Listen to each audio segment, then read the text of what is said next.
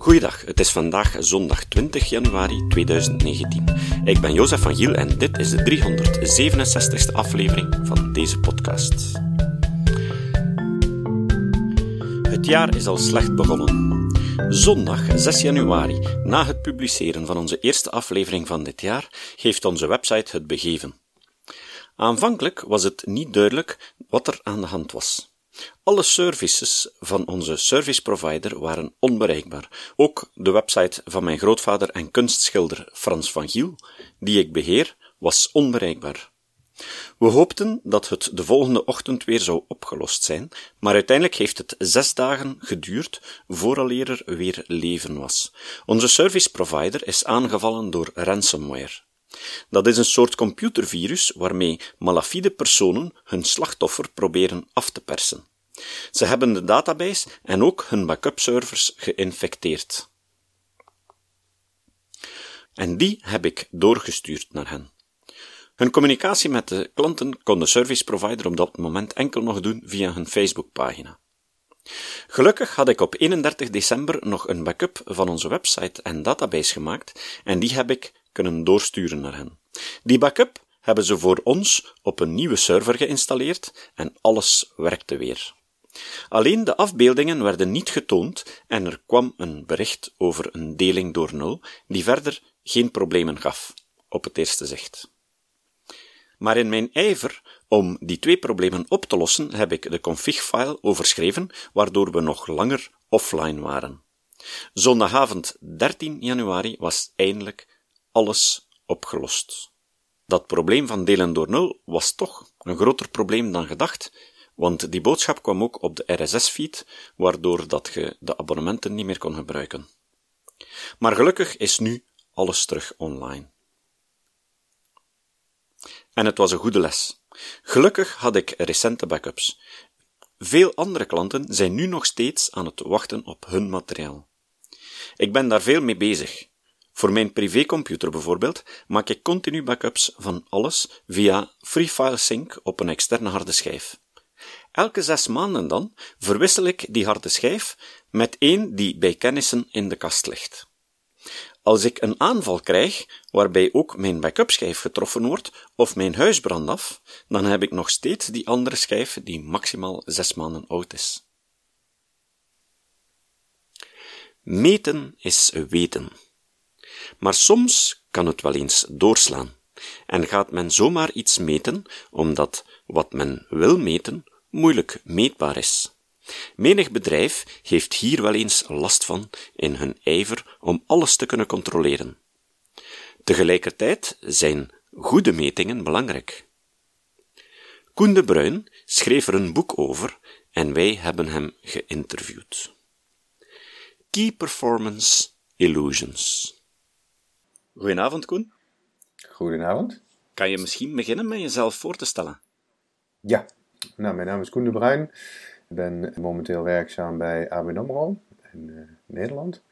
En nou, verder geen uh, hele grootse, ik zal er geen heel lang uh, verhaal van maken, maar ooit afgestudeerd psycholoog en een carrière gehad via allerlei paden bij de bank terechtgekomen. Nou, dat is eigenlijk in een hele korte notendop wie ik ben. Woonachtig in Nederland, in Zeist. En daar heb ik een vrouw en twee zonen. Mm Het is wel een eigenaardige stap, denk ik, voor een neurowetenschapper om uiteindelijk in de industrie en dan nog de financiële sector te komen. Ja, dat is inderdaad niet een hele gebruikelijke route. Maar na mijn afstuderen ben ik begonnen bij een bedrijf dat heet SPSS, mhm. de Statistical Package for Social Sciences, zoals het toen heette. Als uh, statistiektrainer, dus als uh, neuropsycholoog en uh, psychologie in het algemeen, wordt veel statistiek gebruikt. Mhm. Dus dat was niet zo'n hele rare stap. Maar via SPSS kwam ik in aanraking met heel veel verschillende bedrijven en de toepassing van statistiek, toegepaste statistiek. En zo ben ik een beetje in het bedrijfsleven gerold. En na een aantal jaren bij echt in de statistiekhoek te hebben gezeten, ben ik uh, overgestapt naar de dark side, zou ik maar zeggen. bij het bedrijfsleven begonnen. Ja, ja. ja. We kennen elkaar eigenlijk van de sceptische wereld. Hoe ben je daar eigenlijk terecht gekomen? Ja. Nou, dat is ook op een gegeven moment ontstaan, denk ik. Ik was al luisteraar van, van kritisch denken en ik weet niet eens meer zo goed hoe ik eh, bij, mhm. bij de podcast kwam. Maar ik denk dat er op een gegeven moment een, een, een keer gemeld is over de guerrilla skeptics van Wikipedia. Van, Wikipedia.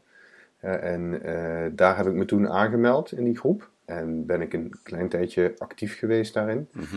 Maar dat is toch ook heel lastig soms om dat te combineren met privéleven en werk. Uh, dus uh, dat was op en af. Uh, maar ik heb daardoor wel een aantal mensen in de sceptische beweging in Nederland en Vlaanderen leren kennen. Mm Waaronder Leon Korteweg en Emiel Dingemans.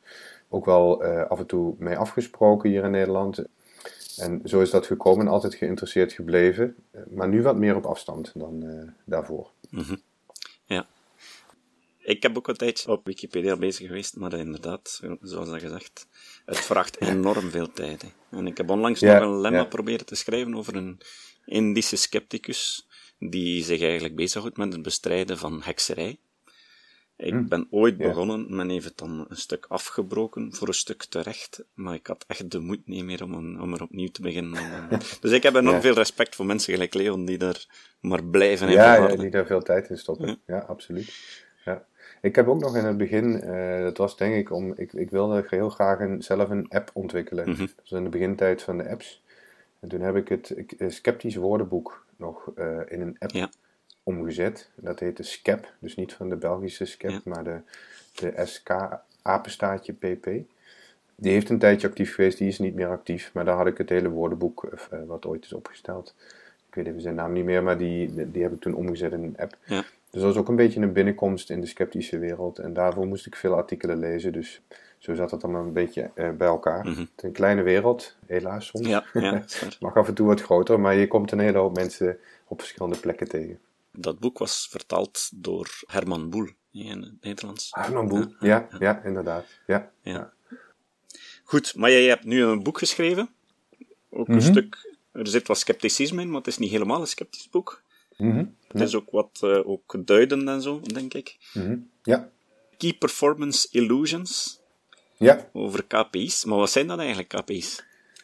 KPI's zijn uh, manieren, of, of is eigenlijk een meetinstrument om de, de, de voortgang te meten uh, mm -hmm. en in kaart te brengen hoe men ten opzichte van een bepaald doel staat.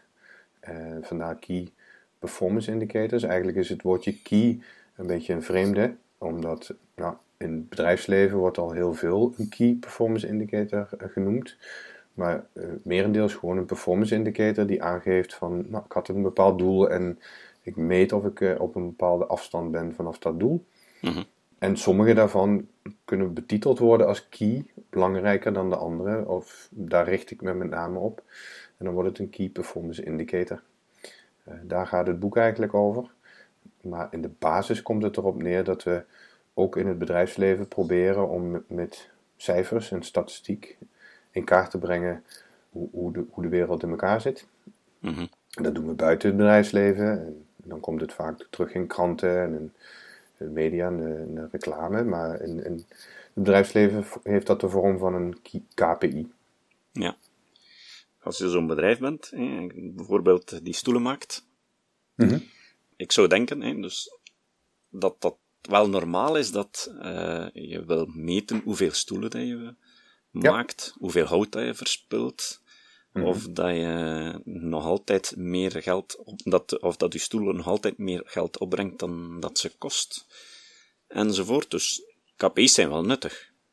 Absoluut. En in het boek wordt ook nergens uh, aangegeven dat, het, dat we ermee moeten stoppen. Mm -hmm. Het is uh, in tegendeel. Ik denk dat heel, heel veel van de KPI's zijn nut hebben. En, in, in het boek zit een, in mhm. ieder geval ook een één hoofdstuk over een KPI.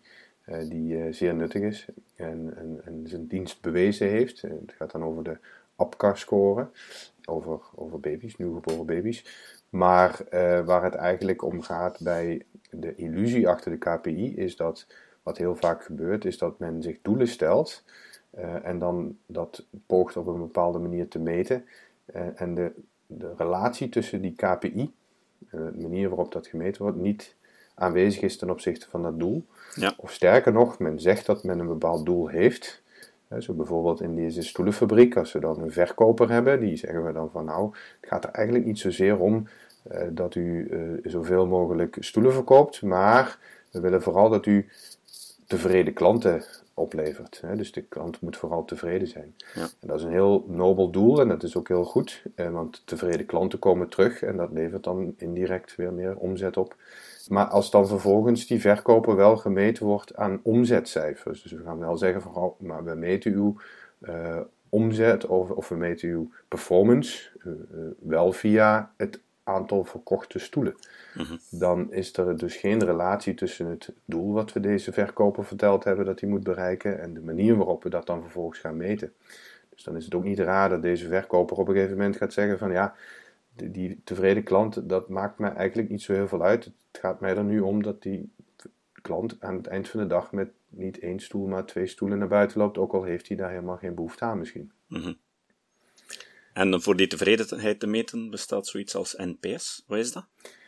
Ja, er, is, er zijn zeker ook wel manieren om de klanttevredenheid te meten. En dat deden we in het verleden vooral via uh, lange vragenlijsten. En dan gingen we die klanten daarmee lastigvallen. Uh, dat vonden klanten vaak niet zo fijn. Maar in de digitale tijdperk moest het allemaal sneller. En mm zijn er een aantal slimme mensen die hebben bedacht van nou, als we nou gewoon één vraag stellen aan deze klanten. Van zou u ons aanbevelen aan uw vrienden? En dat scoren we. En dan mag iemand een 1 tot en met 10 geven. En als hij een 10 geeft, dan zal hij dat heel waarschijnlijk gaan doen. En als hij een 1 geeft, waarschijnlijk niet. En dan noemen we dat de promotor. Dan als hij zegt ik ben een 10, dan is hij een promotor. En als hij dat mhm. een, een, een 7 of een 8 geeft, dan zegt hij van nou, dat is waarschijnlijk een, een passive iemand. Die zal het waarschijnlijk niet gaan doen. En als iemand beneden de 7 geeft, dan noemen we dat een detractors. Dus die is eigenlijk negatief over ons. En die ene vraag, dat, dat is de, de one question, zoals de bedenkers dat noemen, die zou klantloyaliteit meten. En dat noemen we de net NPS, de net promoter score. Dan delen we dat door elkaar en dan doen we daar wat ingewikkeld over. En dan komt daar een percentage uit, en die, of in ieder geval een getal tussen de min 100 en de, en de 100. En dan eh, hebben we een mening over de klantloyaliteit. En wat is dan het probleem daarmee?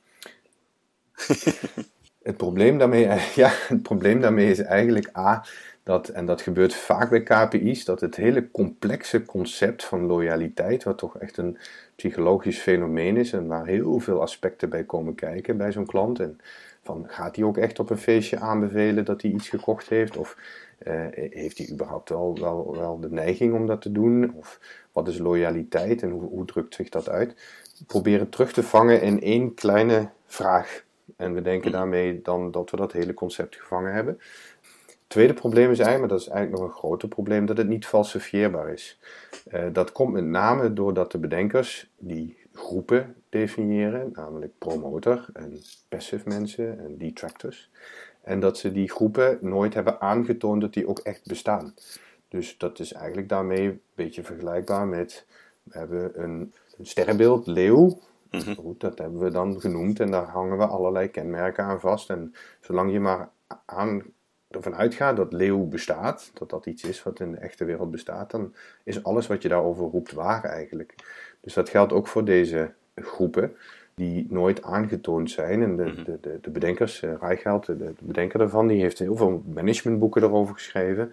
Maar die vertrekt eigenlijk elke keer met het, in zijn optiek het feit dat die groepen bestaan.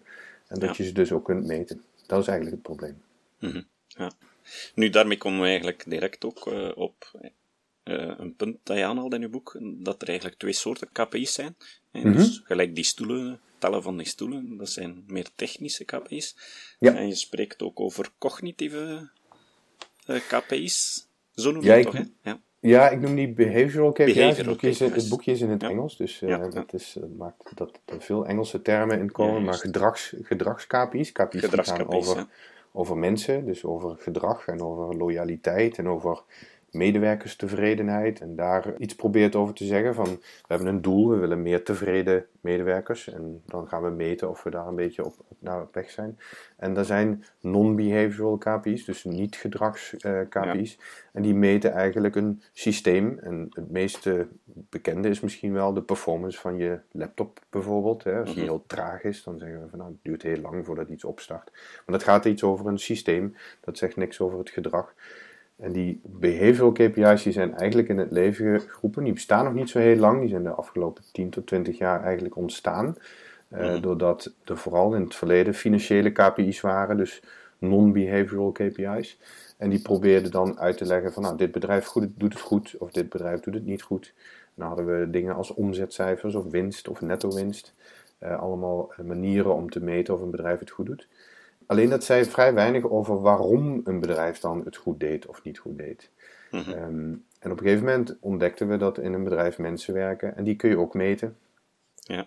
En vandaar zijn er zo'n twintig jaar geleden een beetje die behavioral KPI's, of die gedrags-KPI's, uh, eh, KPI's, die zijn ontstaan om te proberen te achterhalen of we uh, ook daar iets aan kunnen doen.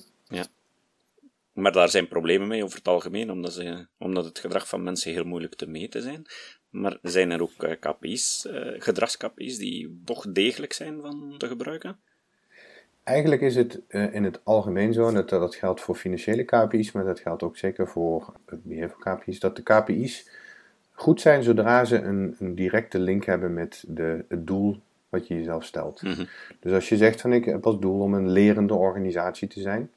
Ik wil dat mijn medewerkers uh, zich ontwikkelen en, en, geïnteresseerd zijn en ondernemers zijn en nieuwsgierig. En zoals ik al eerder aangaf, als je daar vervolgens een non-behavioral KPI tegenover zet als winst, Mhm. Dan zullen mensen niet intrinsiek gemotiveerd zijn om te gaan leren, en, want ze hebben een doel wat ze moeten bereiken. Dus mensen in de regel doen wat je meet en niet mhm. eh, wat je vraagt of zegt dat het doel is.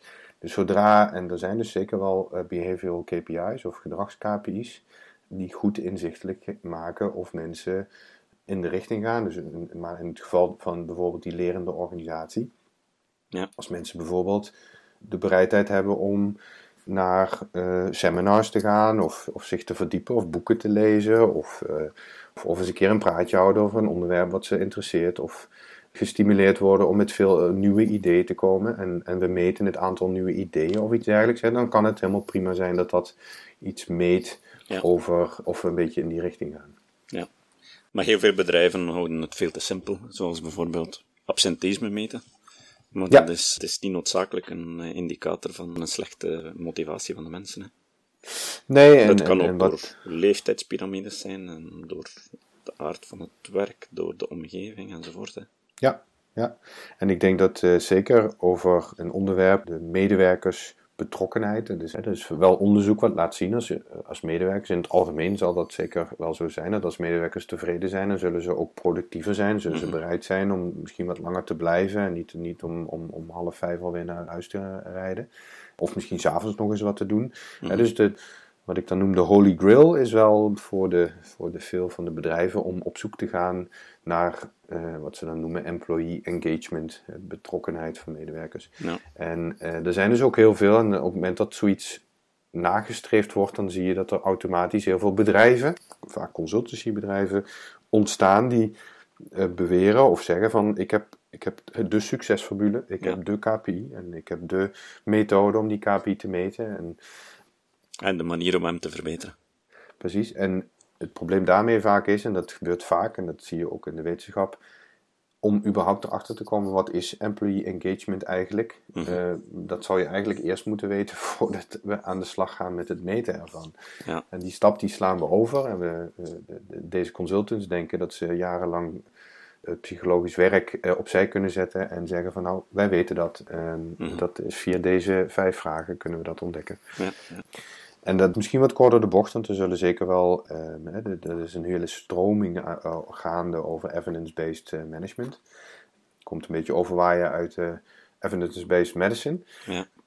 Die probeert om een beetje het kaf van het koren te scheiden voor wat betreft quote-unquote kwakzalverij in de managementhoek. Ja. Daar zit veel veel kwakzalverij in de managementhoek, kan ik zeggen. ja, we hebben het er al over gehad in, deze podcast ook. Hè. Ja, veel, ja, zeker. Ja, zeker ja. Nu, een van die methodes die door uh, een Deense, zijn naam ontsnapt mij nu, een Deense onderzoeker, is uh, PROMAS. Had je daar mm al ooit van gehoord? Ik had daar nog niet van gehoord. En dat is geen, niet uit desinteresse. ik heb mij in dit boekje in ieder geval gefocust op het, de, de huidige methodiek. Ja. En uh, ik krijg vaak de vraag van, uh, nou, uh, eerst krijg ik altijd de vraag, moeten we dan stoppen met KPI's? Mhm. Nou, die heb ik al beantwoord, dat hoeft zeker niet. Ja. Maar kritisch kijken naar de KPI's die men nu heeft, en dat is zeker goed. En de tweede vraag die ik altijd krijg, wat is het alternatief? Ja. En die probeer ik altijd in ieder geval te, aan te geven dat op het moment dat iemand een alternatief komt, dan uh, raad ik mensen wel aan om te kijken of het gefundeerd is op basis van wetenschappelijk onderzoek. Mhm. Wat vaak gebeurt is dat we kijken naar succesvolle bedrijven en dan kijken we naar Google en dan zeggen we Google die gebruikt zoiets als Key Result uh, Indicators. Dat is een andere, andere vorm van een KPI en dan zeggen we omdat Google succesvol is, is hun KPI ook succesvol. Ja, ja. Um, en we, we vergeten dan vaak dat Google ooit ook een klein bedrijf was. Toen gebruikten ze die KPI's waarschijnlijk nog helemaal niet. Ja. We vergeten ook te kijken naar bedrijven die niet succesvol zijn en die KPI's ook gebruiken. Ja. Um, dus de, de survival bias, zoals dat heet. Hè. We focussen ons heel erg op de overleveraars en we denken dat we dat terug kunnen kopiëren naar ons. Uh, dat geldt bij KPI's ook. En dat is niet de manier om naar een alternatief te zoeken. En ik heb wel heel even gekeken naar deze methode en het, het doet in ieder geval uh, zijn best om op basis van wetenschappelijk onderzoek. Uh, Mhm. En in deze podcast heeft ook een keer uh, Koert Visser uitgelegd uh, Ja. welk onderzoek er allemaal plaatsvindt rondom doelen stellen en wat dat doet met mensen. Ja, En aangezien doelen stellen ontzettend belangrijk is voor, je kunt het wel een beetje voorstellen als, als een normaal wat saaiige taak. Elk, elk werk heeft een aantal wat, wat minder prettige taken. Die krijgen opeens betekenis op het moment dat er een doel aan zit waar we naartoe werken. Dus doelen stellen is heel goed. Het meten daarvan is ook heel prima. Maar uh, zoals ik al eerder aangaf, het type doel moet passen bij het type KPI. Mhm. Um, en daar is veel onderzoek naar gedaan uh, door Dweck en anderen Ja, over ja. uh, wat voor type doelen welk gedrag stimuleert. Ja. Het promotiesysteem concentreert zich ook op leerdoelen. Maar Ja. ook op samenwerking en dan ook uh, het, het doorbreekt het, do- het dogma dat het altijd maar beter moet. Mhm. ze, ze voorzien ook dat je in je doelstellingen een punt definieert waar dat je zegt, ik wil ook niet beter worden dan dat punt. Ja. Omdat je dan niet meer efficiënt bent op andere vlakken enzovoort. Ja. Maar ik heb er zelf geen praktische ervaring mee. Nee, ik ook niet. Ja. Wat- Wat ik wel blij, wat ik, ik- waar ik blij was om te lezen toen ik het doornam, is dat ze heel veel focus leggen ook op de kwaliteit van de data Ja.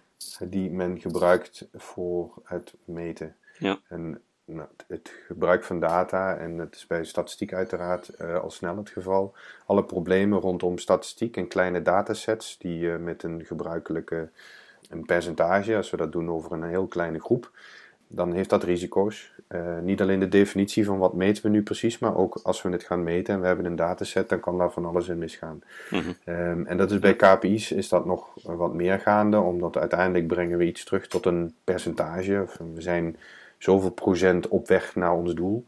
En dan geeft dat het gevoel van wiskundige accuraatheid, omdat het een percentage is. En zeker als we dan nog zeggen we zijn 3,62% op weg, dan hebben we het idee dat dat heel accuraat en Mhm. en nauwkeurig is. Maar dat is soms helemaal niet zo. Heel veel KPI's worden gebaseerd op hele kleine datasets, waarmee allerlei datakwaliteitsproblemen en statistiekproblemen de kop op doen. Mhm. En dat maakt ook dat sommige KPI's, hoewel ze heel goed lijken, toch een illusie zijn. Ja. Je spreekt ook even over eh, schoolresultaten. En dat dus eigenlijk Ja. examens niet noodzakelijk meten wat een, eh, of een kind bekwamen is.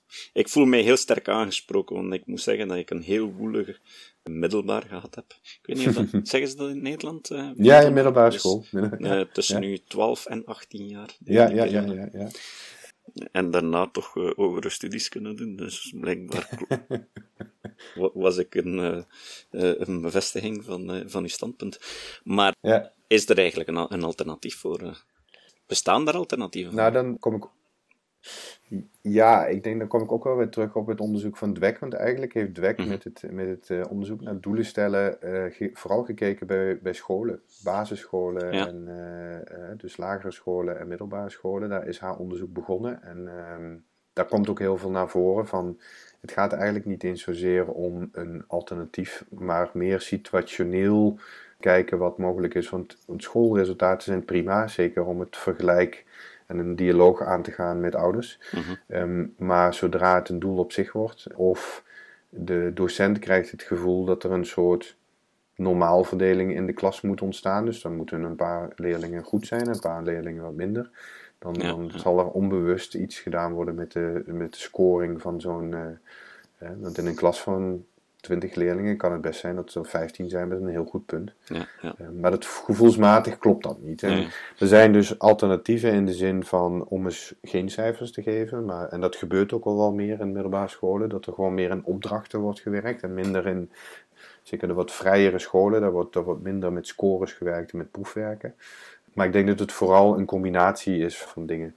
Dus niet helemaal doorschuiven naar de, naar de ene kant waarbij helemaal niks meer gemeten wordt. En kinderen maar vrijheid, blijheid krijgen om te doen en laten wat ze willen. Waardoor planning en organisatie wat minder op de uh, voorgrond komt. Maar kinderen moeten ook leren dat het leven ook af en toe even meten is. En, en teleurgesteld zijn over scores die niet zijn wat we ervan gedacht hadden. Ja, en in, in, sport, in sport vinden we dat heel normaal.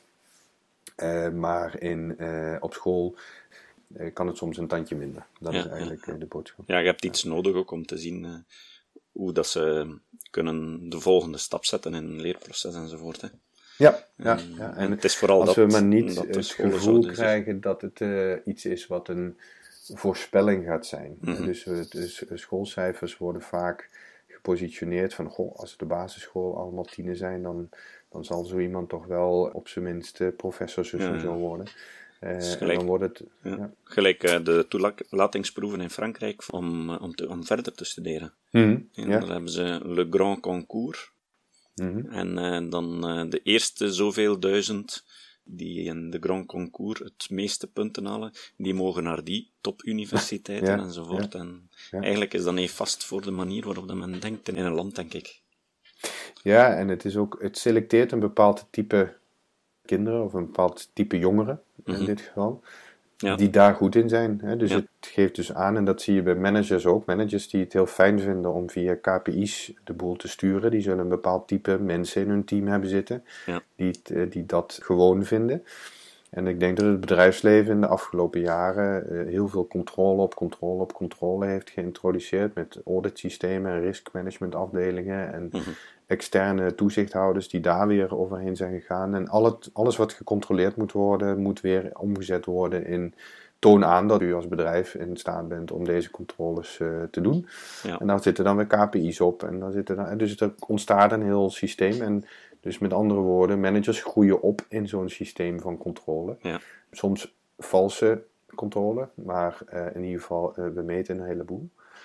dus meten is niet altijd weten, het is ook soms wel zweten. Um, en, Mooie eh, uitspraak. ja, en dat is met, met kinderen hetzelfde. Dus als we op die manier selecteren, dan zullen we ook een, een bepaald type kinderen naar de universiteiten laten gaan. Ja. En die bedenking uh, brengt mij eigenlijk naadloos tot uh, een andere vraag. Een vraag dat ik je zou willen stellen over iets dat je niet behandelt in je boek. Mm -hmm. Je kunt natuurlijk nooit alles behandelen, maar het feit dat je in de financiële sector zit, vond ik het wel opmerkelijk dat je daar niet over sprak, namelijk SOX. Wat denk je van heel dat systeem? Ja, daar zal ik eerst even toelichten waarom er vrij weinig financiële sector dingen in zitten. Uh, ik mm gaf eerst aan dat ik in de financiële sector werk. Ik werk zelf bij een bank, maar dit, dit boek is volledig geschreven uh, onafhankelijk van mijn werk. Ja. En dus ik heb het zo, voor een zo breed mogelijk publiek, voor iedereen die te maken heeft met KPI's, mm -hmm. geschreven. Of, of uh, die in ieder geval met, met het meten van voortgang te maken heeft. Ja. Dus vandaar dat ik het, het, niet heb willen maken tot iets waarvan op een gegeven moment iemand die niet in de financiële sector zit, denkt van, goh, nu hoor ik wel heel veel wetgeving die geldt voor, voor banken, maar ik heb daar niet zoveel mee. Dus, eh, maar uiteraard eh, ken, ik, ken ik die wetgeving wel. Het is een heel anglo-saxische uh, manier van tegen de wereld aankijken. Het is ook een, een Amerikaanse wet, hè? Het is een Amerikaanse wet. Het is een, een reactie op een aantal schandalen en een aantal uh, problemen die we hebben ondervonden in de financiële sector. En wat, wat men vaak ziet is dat dan een soort tegenreactie komt van extra controle, extra bewijs.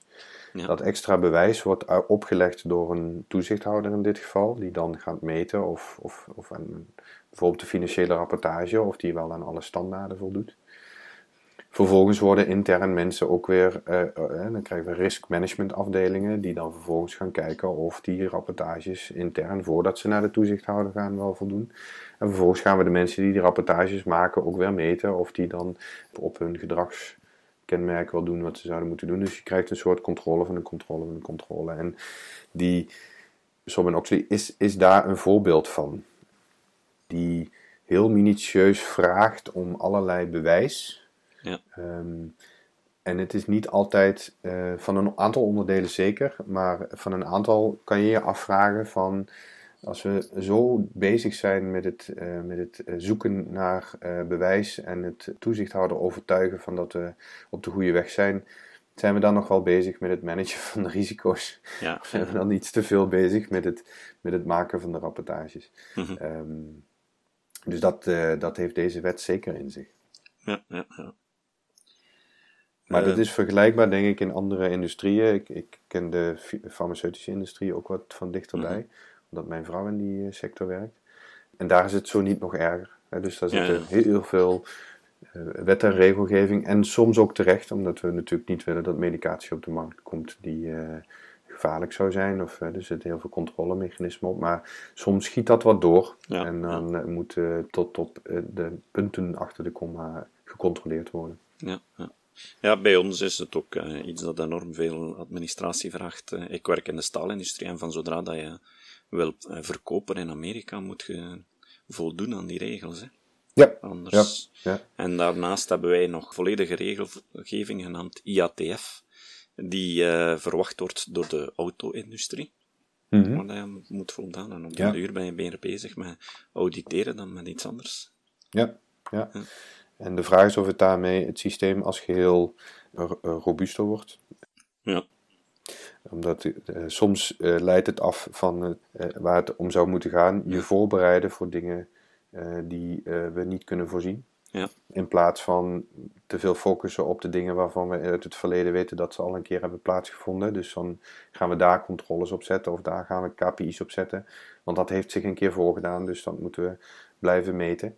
Maar eigenlijk is, er zit een bepaalde overlap tussen riskindicatoren, zoals we dat noemen, het, het meten van risico, en KPI's. Er zit, er zit een, een her en der wat overlap. Maar riskindicatoren zijn weer bijna een apart vakgebied. Eh kun je bijna een apart boek voor schrijven. Maar Ja, niet, ja. dat ga ik niet doen. Maar. ja. En eh, risico's worden met kleurtjes vastgelegd. Hè. Risico's, ja, ja, ja, ja, kleurtjes zijn we dol op. Ja. Ehm, dat vinden we heel prettig. Een KPI is op zich niet genoeg. We vinden een cijfer eh, al, al best wel lastig. Eh, wat is dat precies? Maar zodra we er een stoplichtje van maken, en, met rood, geel en groen, dan snappen we opeens dat groen goed is en eh, Ja. rood is fout. Wat eigenlijk gek is, want bij rood word je geacht meteen actie te ondernemen, terwijl als je een stop, voor een stoplicht staat, dan word je geacht te stoppen. dus dat gaat een beetje mank, maar het idee is duidelijk dat eh, rood is fout, dus dan Ja. moeten we in de actie. Ja. En groen, dan kunnen we eh, nog even rustig doorgaan, dan zijn we op de goede weg. Eh, en bij geel weten we het niet zo goed. Ja. Ehm, maar dat brengt gelijk problemen met zich mee, want in, in, in het Engels heb je een term dat heet Green Field Management. Dat is eigenlijk bedoeld voor nou, gewoon eh, de- de dingen uitproberen. Maar ik bedoel met Green Field Management eigenlijk is dat men probeert zoveel mogelijk richting dat groen te blijven. En soms net iets te ver gaat om het in het groen te houden. Ja. En er zijn allerlei verschillende manieren hoe je met je KPI, ik zou maar zeggen, kunt liegen. En Ja. eigenlijk is het rood, maar eh, stiekem eh, proberen we dat dan zo te brengen dat het toch groen blijft. Er staan wat voorbeelden in het boek, Ja. in het hoofdstuk wat dat toelicht. Ja. Op een bepaald ogenblik zeg je ook, dat is een titel die eigenlijk een, een heel bekende, populaire uitspraak bevat. Eh, statistieken, je hebt leugens, grote leugens en statistieken. Ja, Ik weet het niet Ja. meer of dat het letterlijk op die manier was in het boek. ja maar- de, de, uitspraak, eh, de uitspraak is officieel eh, eh, lies, damn lies en statistics. ja, ja, klopt. dat, is de, dat is de, de originele. We weten niet eens weer, dat gaat vaak zo met quotes, dat wordt toebedicht aan allerlei mensen. Maar het is moeilijk te achterhalen van wie deze quote precies komt. Ja. Maar er is een eh, prachtig boekje uit 1954 van Daryl Huff. Dat heet How to Lie with Statistics. Ja. En dat is nog steeds geldend, met, met grafieken en een media en politiek. En mijn eerste boekje ging eigenlijk daarover. Dat heette Van tofu krijg je geheugenverlies. Ja. Is inmiddels niet meer in uh, originele verf te krijgen, alleen nog tweedehands. Maar uh, dat ging over de misbruik van statistiek in politiek, media en reclame. Ja. maar dan in 2010. En dat was een beetje voor de fact-checking tijd. Nu zie je vaak in kranten, en zeker nu Trump aan de, aan de macht is, met alternative facts. ja, ja. dat het eigenlijk al bijna het uh, post-fact-checking era zijn, want het heeft bijna geen zin meer. Maar dat kan met statistiek, kun je eigenlijk alles aantonen wat je wil. Zolang je het maar met kleine datasets doet of uh, bepaalde categorieën weglaat in de presentatie van de resultaten.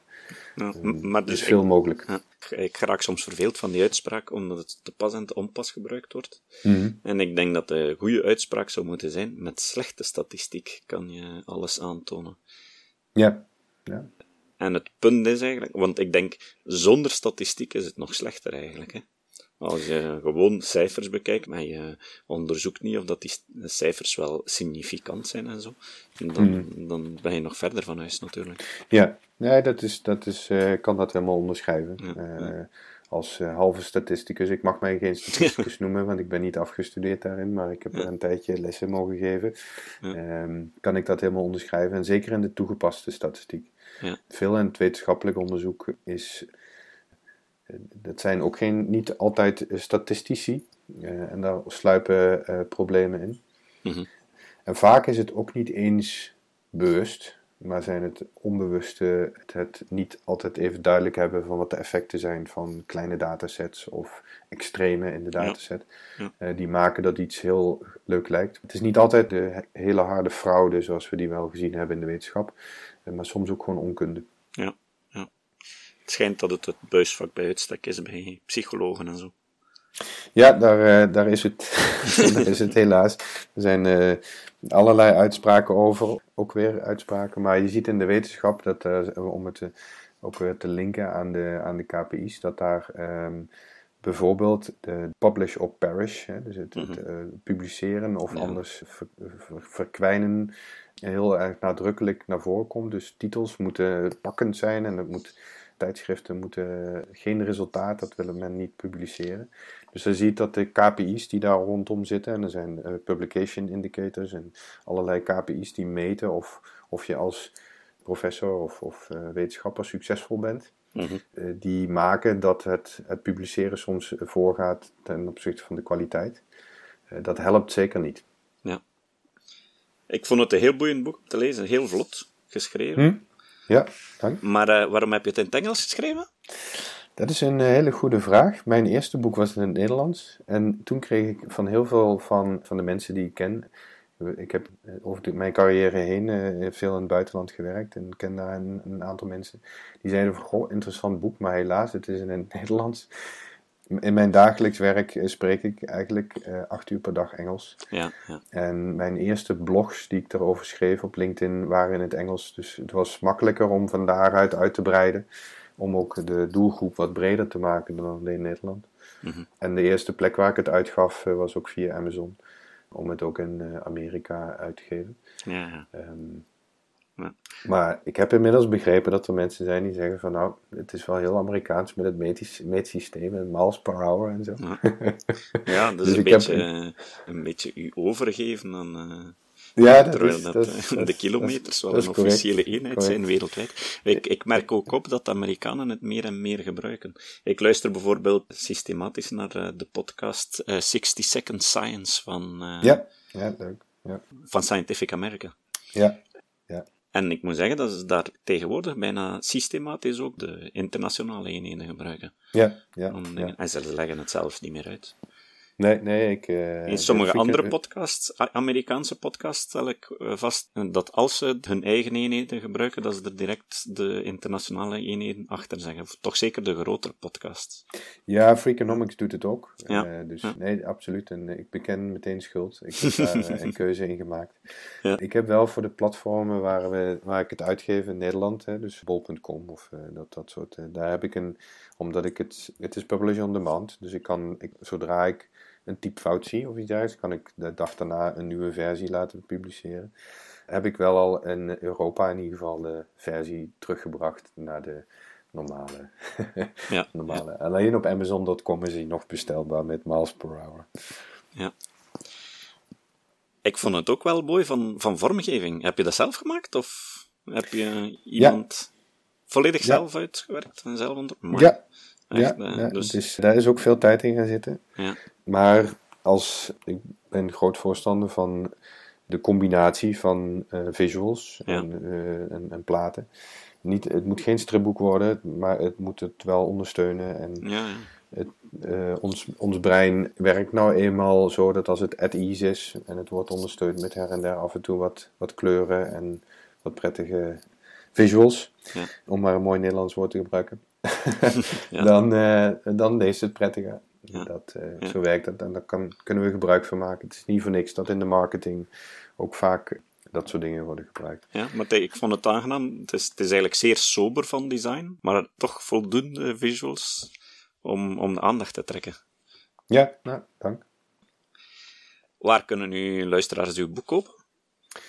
Zoals ik al aangaf, het is eigenlijk vooral online beschikbaar. Het is de meest goedkope variant, laat ik daarmee beginnen. Dat is op een eh, platform dat heet LeanPub. L-E-A-N-P-U-B. Ja. En dat is een platform waarin de PDF kan worden gedownload. Ja. Dat is slechts een, een, een, 11 euro ongeveer. Ja. Dan is het een PDF, dus dat kan in elke PDF-reader kan dat gelezen worden. Ja. Dan is er een duurdere variant, dat is de paperback. En die is op bol.com beschikbaar. Ah, ja. Ik moet daarbij wel echter zeggen dat de, uh, de uitgever waar ik het uh, via uitgeef, de online uitgever, zelf ook een website heeft. Dat heet boek, boekenbestellen.nl. Ja. En daar is hij het goedkoopst. Dus als, als mensen de paperback willen, dan is boekenbestellen.nl het makkelijkst. Maar hij is ook gewoon op bol.com en uh, Amazon te krijgen. Ja, Oké, we gaan die links sowieso in de notitiepagina van deze aflevering zetten. Zodat dat de mensen hem van daaruit rechtstreeks kunnen vinden. Hè. Ja, Heb je nog andere contacten op internet, Facebookpagina's uh, of zoiets anders dat, kan dat interessant kan zijn voor luisteraars die willen volgen? Nou, ik heb een tijdje terug ben ik van Facebook afgestapt. Ja, dat is misschien nog niet zo dom. dat is nog niet zo lang geleden, volgens mij ergens dit jaar. Na alle gedoe rondom Facebook. Ja. Dus daar zit ik niet meer op. Ik zit niet meer op social media. In die zin, Twitter gebruik ik heel weinig. Ja. Maar uh, ik heb een LinkedIn-profiel. Dus uh, bij het intikken van mijn naam kom ik al uh, als een van de eerste naar boven. Er zijn niet zo heel veel Koen de Bruins. Het klinkt misschien nee. heel, als een heel Nederlandse naam, en dat is het ook. Maar, maar de, niet, de schrijfwijze is vooral speciaal, denk ik. Want toen ik het daar straks op Skype intypte, kreeg ik alleen u als, als hit. Ja. Ja, met, uh, met, met U lange ei. Dat is de, de dure tak van de familie, zeggen we dan. ja, ja, ja. Oké, okay. dank u wel. Ja, graag gedaan. Dus ik wens u nog veel succes met de uitgave van het boek. En uh, we gaan het dank. zeker uh, verder aanraden. Hè. Ja, en dank dat ik het mocht toelichten. Het citaat. Het citaat van vandaag komt van Adam Grant. Grant is een bedrijfspsycholoog. Grant zei: Wanneer we om advies vragen, willen we meestal niet dat ons verteld wordt welke optie we moeten kiezen. We zijn dan meestal op zoek naar begeleiding over hoe we de beslissing moeten benaderen. Het beste advies specifieert niet wat we moeten doen, het belicht blinde vlekken in ons denken en het verheldert onze prioriteiten. Tot de volgende keer. Deze podcast is het resultaat van het werk van veel mensen.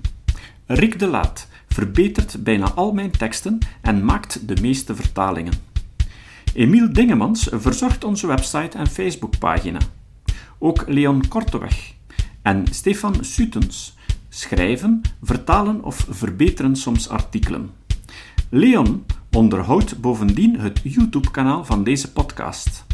De muziek van de intro en de trailer heeft Nick Lucassen geschreven en soms maken we ook gebruik van muziek van Ad van Nederpelt, die ons zijn prachtige composities ter beschikking stelt.